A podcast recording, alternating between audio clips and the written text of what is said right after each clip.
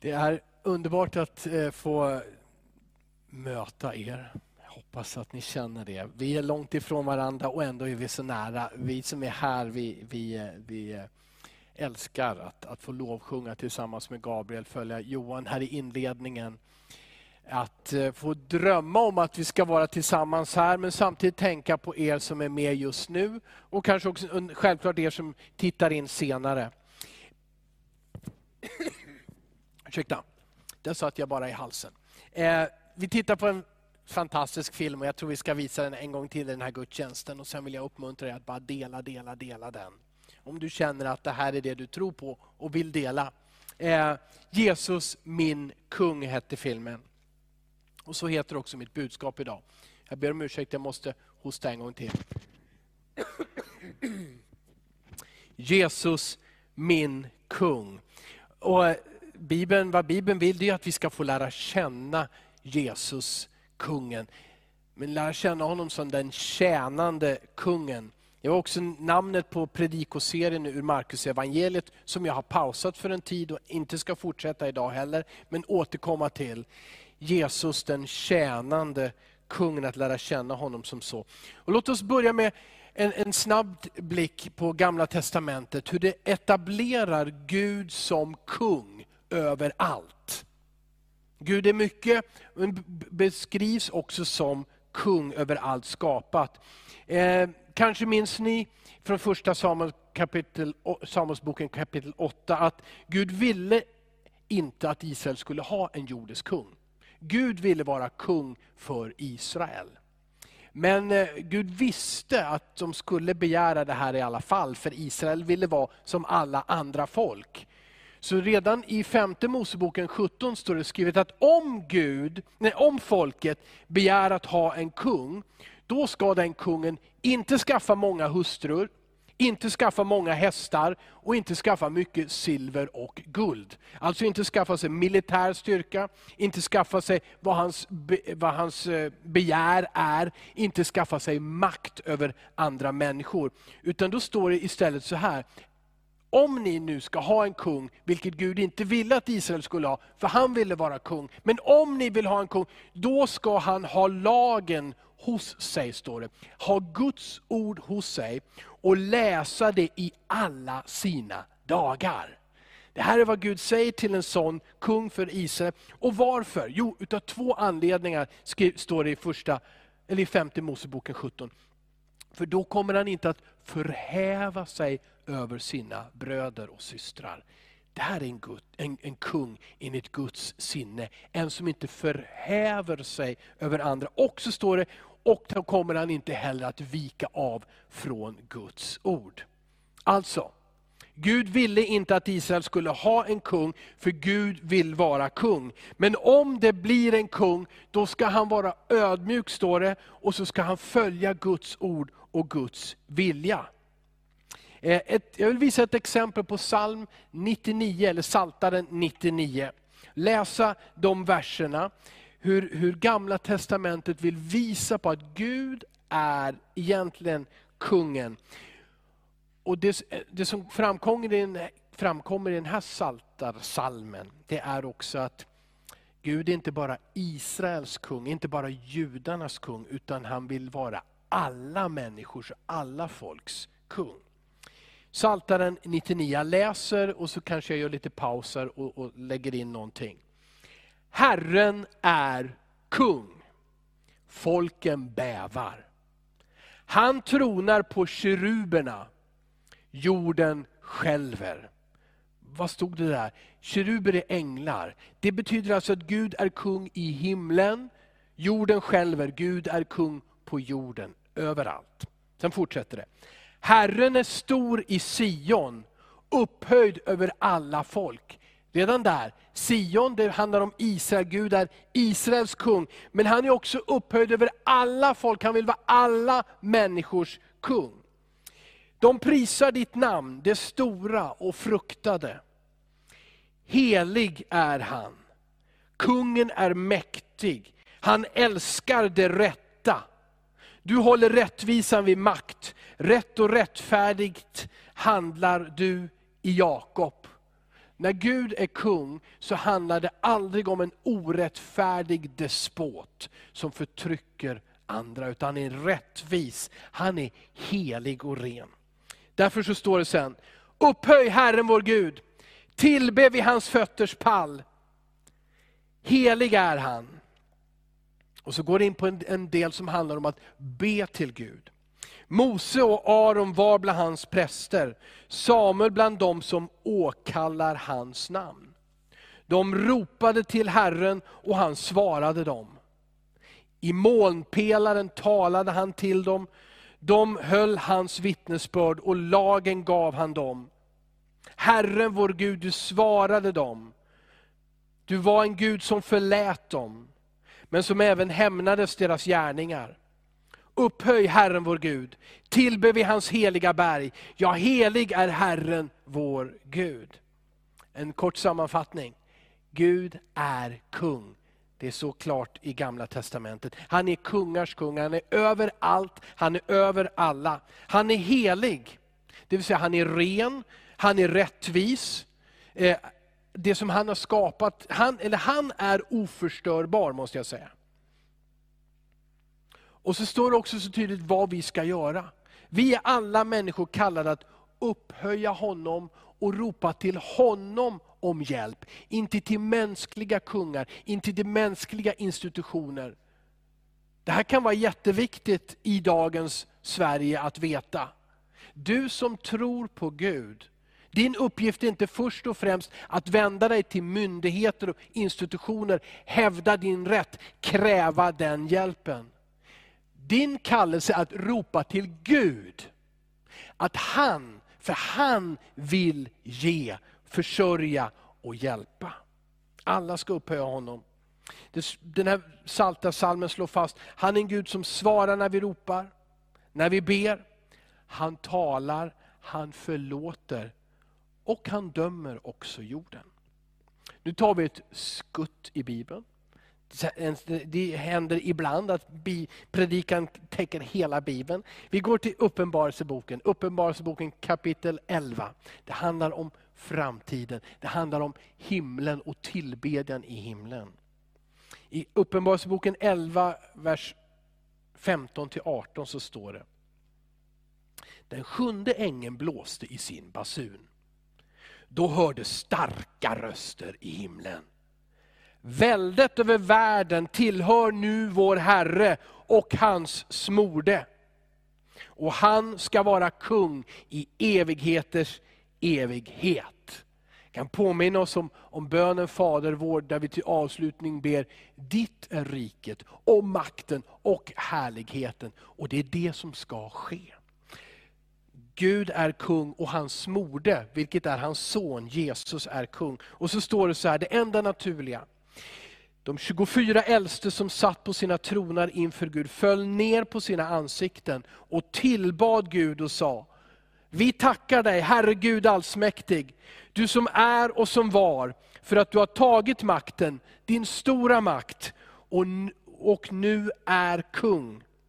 Folken vredgades, och din vrede har kommit, tiden när de döda ska dömas, och du ska löna dina tjänare, profeterna, och de heliga, och de som vördar ditt namn, små och stora, och fördärvar dem som fördärvar jorden. Sammanfattar de här verserna, så än en gång så slås det fast att Gud är kung över ett välde. Han regerar över ett rike som är utan gränser. Det finns ingen plats där han inte är den högste kungen. Det är naturligt att tillbe och ära honom för allt skapat. Alla som är skapade är skapade till att ära och prisa honom. Och än en gång, en kungs rätt, så ska han döma rättfärdigt och rättvist. Och han stod det, han ska löna dem som vördar hans namn. Vad betyder vörda? Att frukta hans namn, att respektera hans namn, att tillbe hans namn. Han ska ge lön till dem. Och här går jag till mitten av Nya Testamentet, i Filipperbrevet 2, vers 6, som beskriver Jesus. För det står att, att eh, det avslutas att de som vördar hans namn. Och här i Filipperbrevet så blir det så klart att namnet som vi ska vörda, tillbe, respektera, älska är Jesus. Paulus skriver, han var till i Guds gestalt, men räknade inte jämlikheten med Gud som segerbyte. Alltså inte någonting att hålla fast vid, det här är mitt. Trots att han var Gud lik, så ödmjukade han sig. Han utgav sig själv, tog en tjänares gestalt och blev människan lik. När han till det yttre hade blivit som en människa ödmjukade han sig och blev lydig ända till döden, döden på korset. Därför har Gud också upphöjt honom över allting och gett honom namnet över alla andra namn. För att i Jesu namn alla knän ska böjas, i himlen och på jorden och under jorden. Och alla tungor bekänna att Jesus Kristus är Herren, Gud Fadern till ära.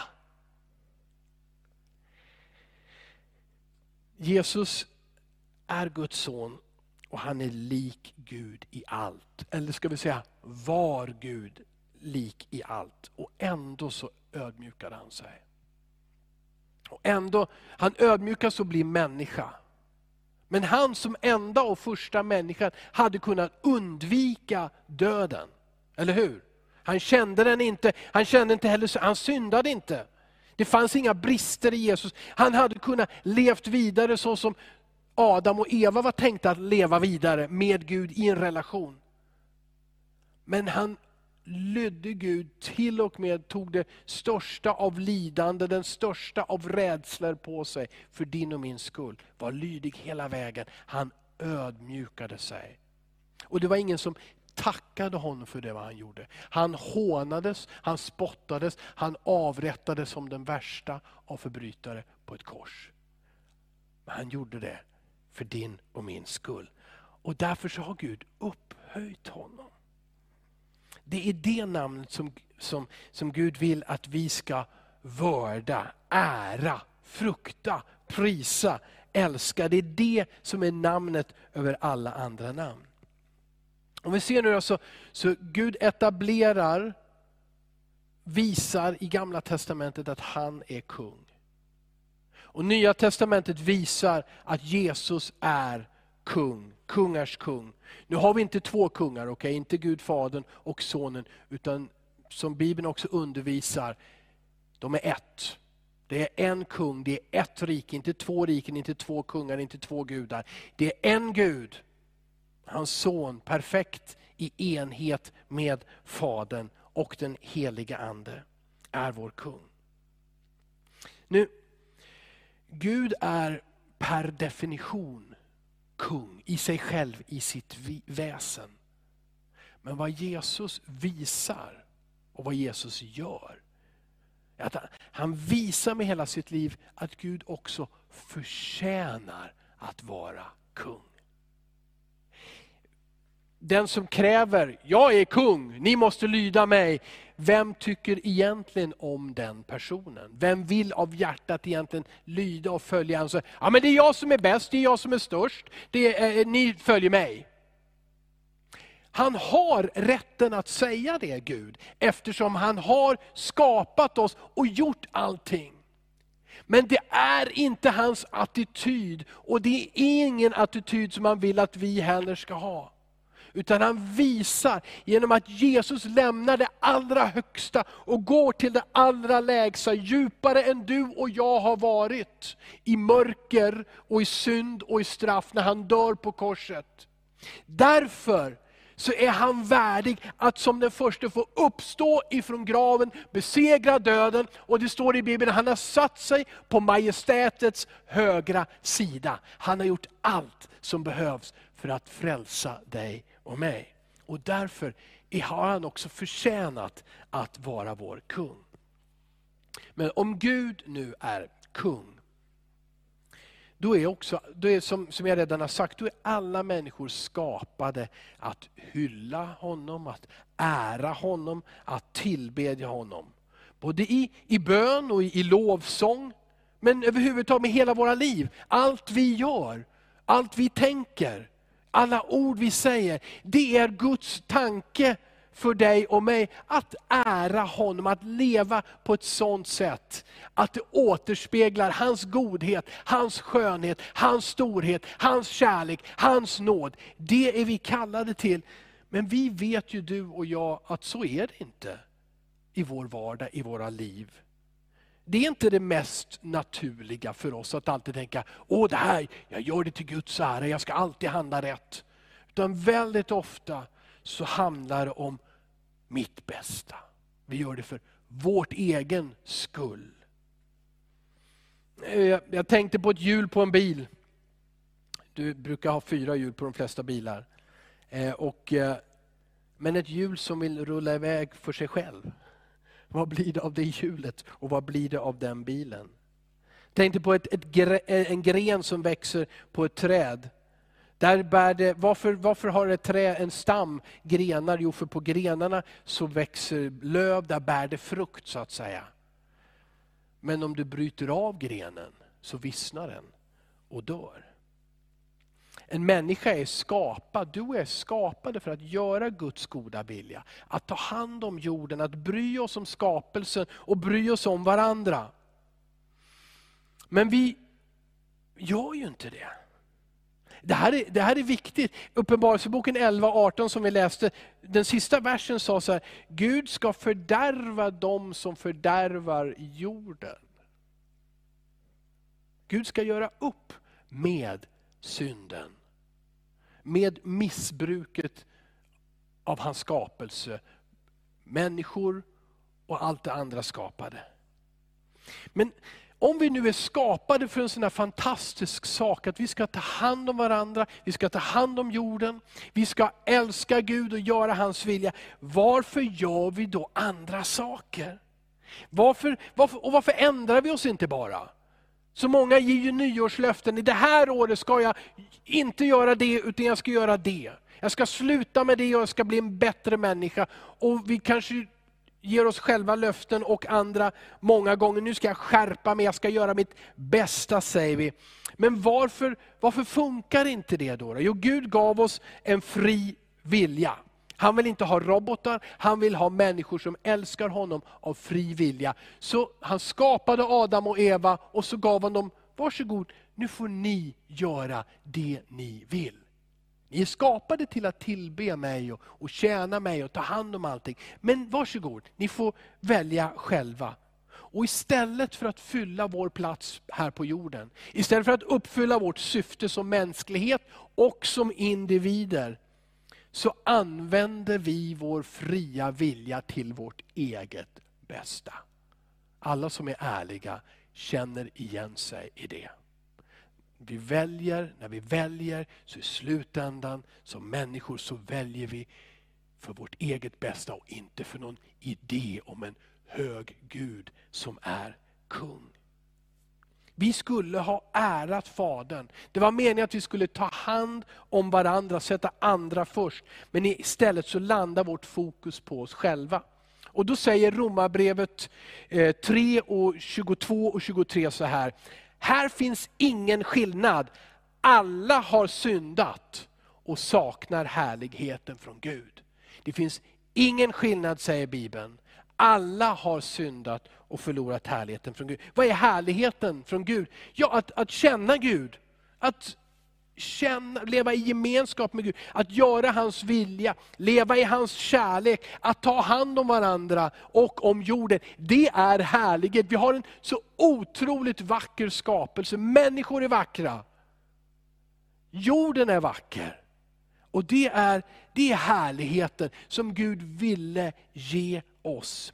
Men så står det att alla har syndat. Och vad är det? Ja, man, man kan, teologer kan kämpa över det här, vad, vad är egentligen synden? Men nu säger jag så här, det är själviskheten framför Det är själviskheten och den har drabbat alla människor. Det vill säga, inte att alla är supersjälviska, men att vi i grund försöker att lösa saker på vårt sätt.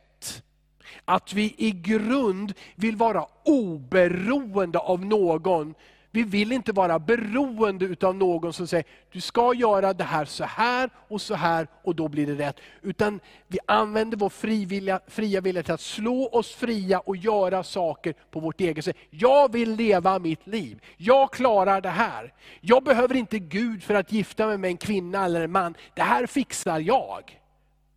Och så vill vi, så i grund, trots att vi skapade för en sak, så gör vi en annan.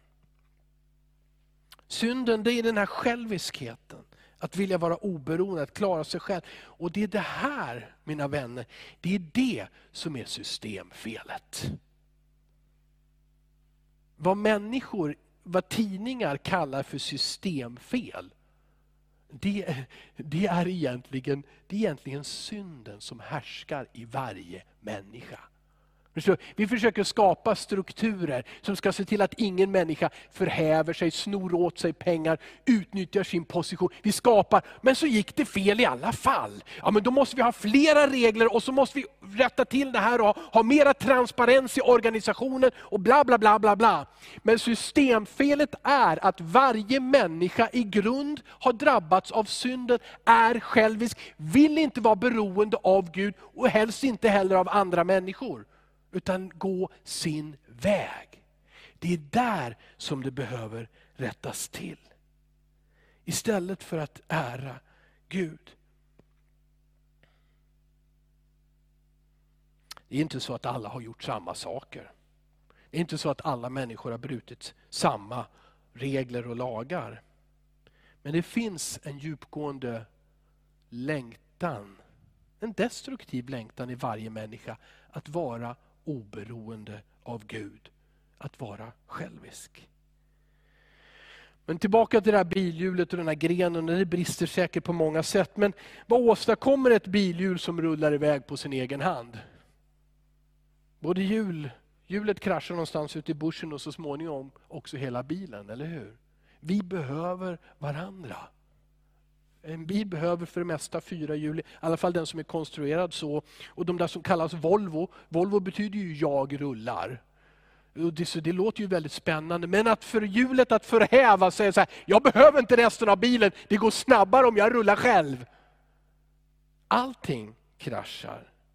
Och här hjälper ingen kosmetika sen för att dölja sanningen. Ja, men vi har ordnat en bil som kör på tre hjul. Och nu har vi fixat till allting det hjälper inte att dölja sanningen om oss själva. Om vi rullar i vår egen riktning, så rullar vi på fel väg. Vad händer med grenen som bryts av från stammen? Ja men visst kan den blomma för en tid, det har du sett. Har du inte sett avbrutna grenar? De kan absolut blomma, det kan växa saker på dem en tid, kanske en säsong, kanske lite mer än bara en säsong. Men till slut så dör den. Därför ska vi inte låta oss luras av att ja men det ordnar sig, man kan ju. Jag har sett massor med människor som lever bra utan Gud. De bryr sig inte och, och jag har inte brytt mig så mycket om Gud i en hel vecka. Och, ja men det verkar ju funka, jag är frisk och jag tjänar pengar och familjen finns där. Ja men då fortsätter jag så här. Vi kan så lätt låta oss luras. Men den här själviskheten som heter synd, den har en konsekvens och den förstör för dig, för mig, för alla.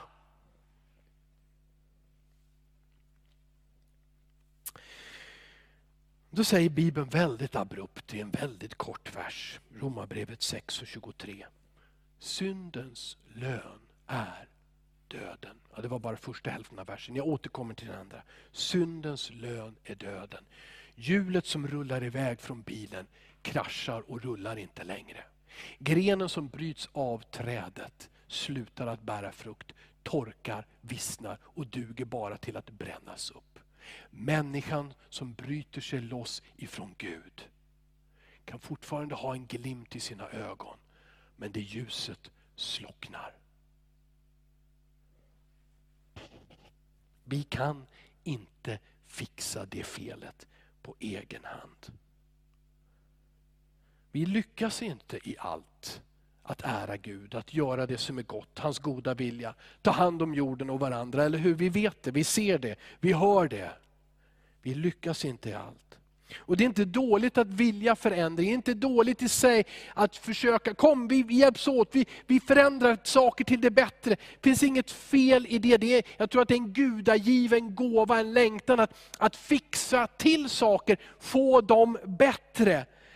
Men inte på våra egna villkor om hjulet ska in i funktion igen på hela bilen, då behövs det en mekaniker eller någon som har kunskapen att sätta tillbaka det, montera det och se till att bilen kan åka igen. Om en gren som har brutits av ska ympas in igen i ett träd för att verkligen bära frukt, då behöver du först en extremt duktig trädgårdsmästare. Och i princip så behöver du ett mirakel.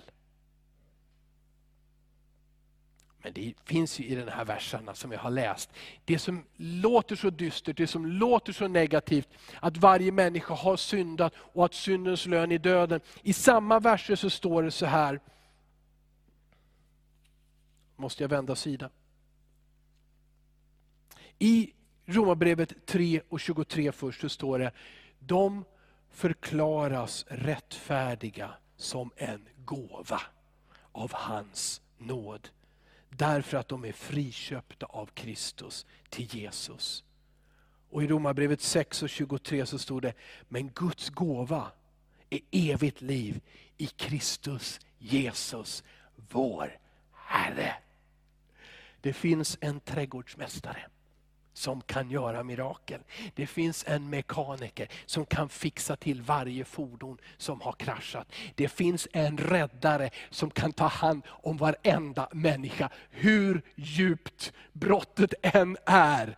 Hur sk stora skadorna än har blivit på ditt liv, på din familj, på människor runt omkring, på den historia som du tycker dig ha. Hur stora de problemen än är, det finns en räddare och han ger en gåva. En gå han ger ett livets gåva. Och Det här är kungen själv som ger livets gåva och den kallas för nåd. Ja, det stämmer som Bibeln säger. Gud dömer. Han dömer mellan rätt och fel. Men han dömer inte ut den som tar emot hans son. Han fördömer inte den. Istället så står det att han köper oss fria från konsekvenserna av, våra, av vår synd, av våra misslyckanden försöket att leva på ett liv, ett liv utan honom. Han köpte oss fria ifrån de konsekvenserna. Och han ger oss en gåva som vi inte har förtjänat. Det här kallar Bibeln för nåd. Att vi inte får vad vi har förtjänat. Det vill säga att vi inte behöver bära konsekvenserna för vår själviskhet, straffet för vår olydnad. Nåd är också att vi får vad vi inte har förtjänat. Det vill säga vi blir frikända, all skuld utplånas och vi får evigt liv. Det här är nåd. Att inte få vad vi förtjänar och istället få vad vi inte förtjänar. Guds godhet och Guds kärlek.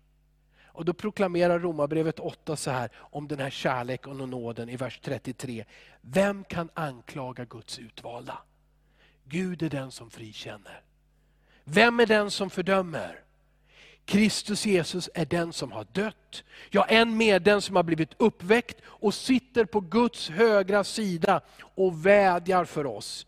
Vem kan skilja oss från Kristi kärlek? Nöd eller ångest, förföljelse eller svält, nakenhet, fara eller svärd eller covid eller corona. Nu la jag till lite grann. Vad kan skilja dig från Guds kärlek? Vem kan fördöma dig? Det här är retoriska frågor utifrån Bibeln. Och svaret som inte skrivs är ändå så tydligt och klart. Ingen kan fördöma dig när Jesus Kristus frikänner dig. Inte du själv, ingen människa, inget system. När Gud säger du är fri, då är du fri. När Gud säger du är förlåten, då är du förlåten. När han säger jag har utplånat synden på korset, då har han tagit bort den och du är fri att leva. Och vers 38-39 fortsätter så här. Paulus, han, nu, ja, det måste ha glött om den här pennan. Jag är viss om att varken död eller liv, varken änglar eller furstar, Varken något som nu är eller något som ska komma. Varken makter, höjd eller djup eller något annat skapat ska kunna skilja oss från Guds kärlek i Kristus Jesus, vår Herre. Förstår du varför han är vår kung? En sån ofattbar kärlek, där ingenting kan skilja oss ifrån honom, när vi säger ja till den gåva som han ger, till livets gåva genom Jesus Kristus. När vi erkänner och bekänner att han är min kung, då bekänner han sig till oss. Och kallar oss inte för slavar eller oäkta barn, utan han säger, ni är mina barn. Du är mitt barn. Ingenting kan skilja. Till avslutning så, vill jag, så ser vi här Guds princip för kungar, för regeringar, för makthavare. Och Den här principen använder Gud alltid på sig själv och ger sen till oss frivilligt att välja att följa.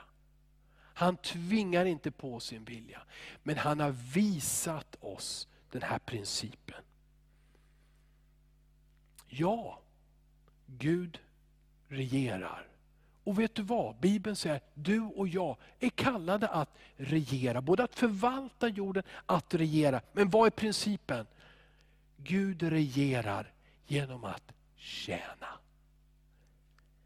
Han regerar genom att tjäna.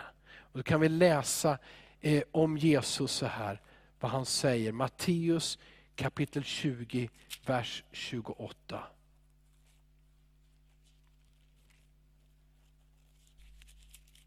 Matteus 20 och 28. Så har inte heller Människosonen, och det är vad Jesus kallar sig själv, så har inte heller Människosonen kommit för att bli betjänad, utan för att tjäna och ge sitt liv till lösen för många. När han skulle friköpa oss så tog han inte all världens rikedomar. Utan han, han själv var lösesumman som betalades i detta kidnappningsdrama av mänskligheten. För att vi inte skulle gå förlora betalade han det högsta pris. Jesus kom inte för att bli tjänad. Ni, ni, du hittar inte Jesu mun. Jag är kung, jag har kommit nu. Jag ska kasta ut romarna, jag ska lösa alla era problem. Följ mig, bara tjäna mig så blir det bra. Gör som jag säger. Jesus kom inte så. Han tjänade människor. Han rörde vid de spetälska. Han grät med dem som grät. Han ödmjukade sig. Han älskade. Han tjänade. Han böjde sig ner och så tog han hans lärjungars, hans efterföljares smutsiga fötter och tvättade dem. Och så sa han, jag har gett er ett exempel. Även om jag är mästare, och han hade kunnat lägga till, även om jag är kung. Så här, det här är min princip. Det här är Guds hjärta. Att ta det som är smutsigt, att ta det som är trasigt. Att hela att hjälpa, att älska, att upprätta. Så, säger Jesus, vill jag att ni ska vara. Så ska ni vara mot varandra. Vi måste komma ihåg det här att vår bild av en kung, om vi tar vår svenska kung eller vi tar lite kungar genom historien, olika kejsare och så vidare om vi orienterar oss efter de bilderna och uppfattningen av hur Gud är, då är det så lätt att vi missuppfattar Gud. Att det hindrar oss att förstå vem han är. Det är väl liknande med när Bibeln säger Gud är vår far. Om vi tittar på våra mänskliga fäder, fäder och mödrar, föräldrar och säger, ja men Gud är som min pappa var, Gud är som min mamma var. Det finns en sån risk att det hindrar oss från att lära känna Gud, hur han verkligen är. När han är kung så är det någonting bra. När han är far så är det någonting underbart. När Bibeln säger att han agerar som en mor och samlar sina barn och bryr sig, då är det något helt underbart. Vi kanske skulle lära oss utav den där äh, gamla testamentets kung. Där Gud sa i femte Mosebok, ni ska inte ha en kung över Israel, men om ni har en kung så ska han ha Guds ord hos sig och läsa det dagligen resten av sitt liv. Om vi ska förstå och lära känna Jesus Kristus som kung, låt oss gå till ordet. Om vi ska förstå och lära känna Gud som vår Fader, låt oss leva tillsammans med Bibeln, Guds ord. Och Det här, denna ödmjukhet från Jesus, det gör honom desto mer fantastisk, eller hur? Som jag sa i början, vem vill tjäna den som kräver att bli tjänad? Men han som har tjänat oss. Hur underbart är det inte att få tjäna honom? Jag skrev ett annat exempel här. Tänk på solen. Visst är den fantastisk? Att få, titta, att få känna solen. Oj vad spännande det är, vad, vad mystiskt det är, vad stor den är, vad långt borta den är. Ja men visst, tänk att få komma nära solen hur, och förstå den och förstå solens ursprung. Hur fantastiskt vore inte det? Ja, Gud är ofantligt stor, större än solen, större än allt vi kan tänka oss, större än allt som är till. Men han kom nära oss genom Jesus, kungen, den tjänande kungen. Och då står det så här, en sista bibelvers från Gamla testamentets evangelium. Jesaja kapitel 57 och vers 15. För så säger den höge och upphöjde, han som tronar för evigt och heter den helige. Jag bor i det höga och heliga, men också hos den som är förkrossad och har en ödmjuk ande för att ge liv åt de ödmjukas ande. För att ge liv åt de förkrossades hjärtan. Det här är Gud. Han är kung, han är hög och helig. Men han böjer sig ner till varje människa. Och den som ödmjukar sig och tar emot honom blir hans barn. Och den som lever går igenom livet och vardagen på Jesus sätt. Det vill inte säga, inte genom att hävda sig själv, utan med ödmjukhet. Hos den bor Gud själv. Den människan blir upphöjd. För den människan finns det löften om att i evigheten, i himlen, ska vi regera tillsammans med Gud, med Jesus, vår kung. Jesus red in i Jerusalem. Det var jubel, för han kom på en åsna. Och det var en kungasymbol. Men bakom jublet fanns de som hatade honom och hade planerat hans död sedan länge. Allt detta visste Jesus. Han kom inte till Jerusalem för att sätta sig på en tron, tjäna människor, slänga ut romare. Han kom för att ge sitt liv i ödmjukhet. Det här är min kung. Det här är min räddare. Det här är min förebild. Och det här är mitt hopp. Jesus.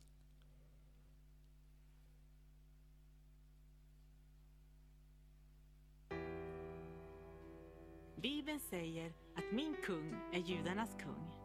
Han är Israels kung. Han är rättfärdighetens kung. Han är urtidens kung. Han är himmelens kung. Han är härlighetens kung. Han är konungarnas konung och han är herrarnas herre. Det är min kung. Jag undrar ifall du känner honom? Min kung är en suverän kung. Inget mått kan mäta hans gränslösa kärlek. Han är oföränderligt stark. Han är fullständigt uppriktig. Han står evigt fast. Han är evigt vacker. Han är storligen mäktig. Han är opartiskt nådig. Känner du honom? Han är det främsta fenomenet som någonsin färdats över världens horisont. Han är Guds son. Han är syndarens frälsare. Han är civilisationens mittpunkt. Det finns ingen som han. Han är utan motstycke. Han är litteraturens högsta personlighet. Han är filosofins ädla idé. Han är den grundläggande läran inom teologin. Han är den enda som är kvalificerad att vara frälsaren. Jag undrar om du känner honom? Han ger styrka till den svage. Han finns tillgänglig för den som frestas och prövas. Han känner medlidande och han frälser. Han styrker och upprätthåller. Han skyddar och han leder. Han helar de sjuka, han renar de spetälska, han förlåter syndare. Han sätter den skuldsatte fri. Han undsätter den fångne. Han försvarar den svage. Han välsignar de unga.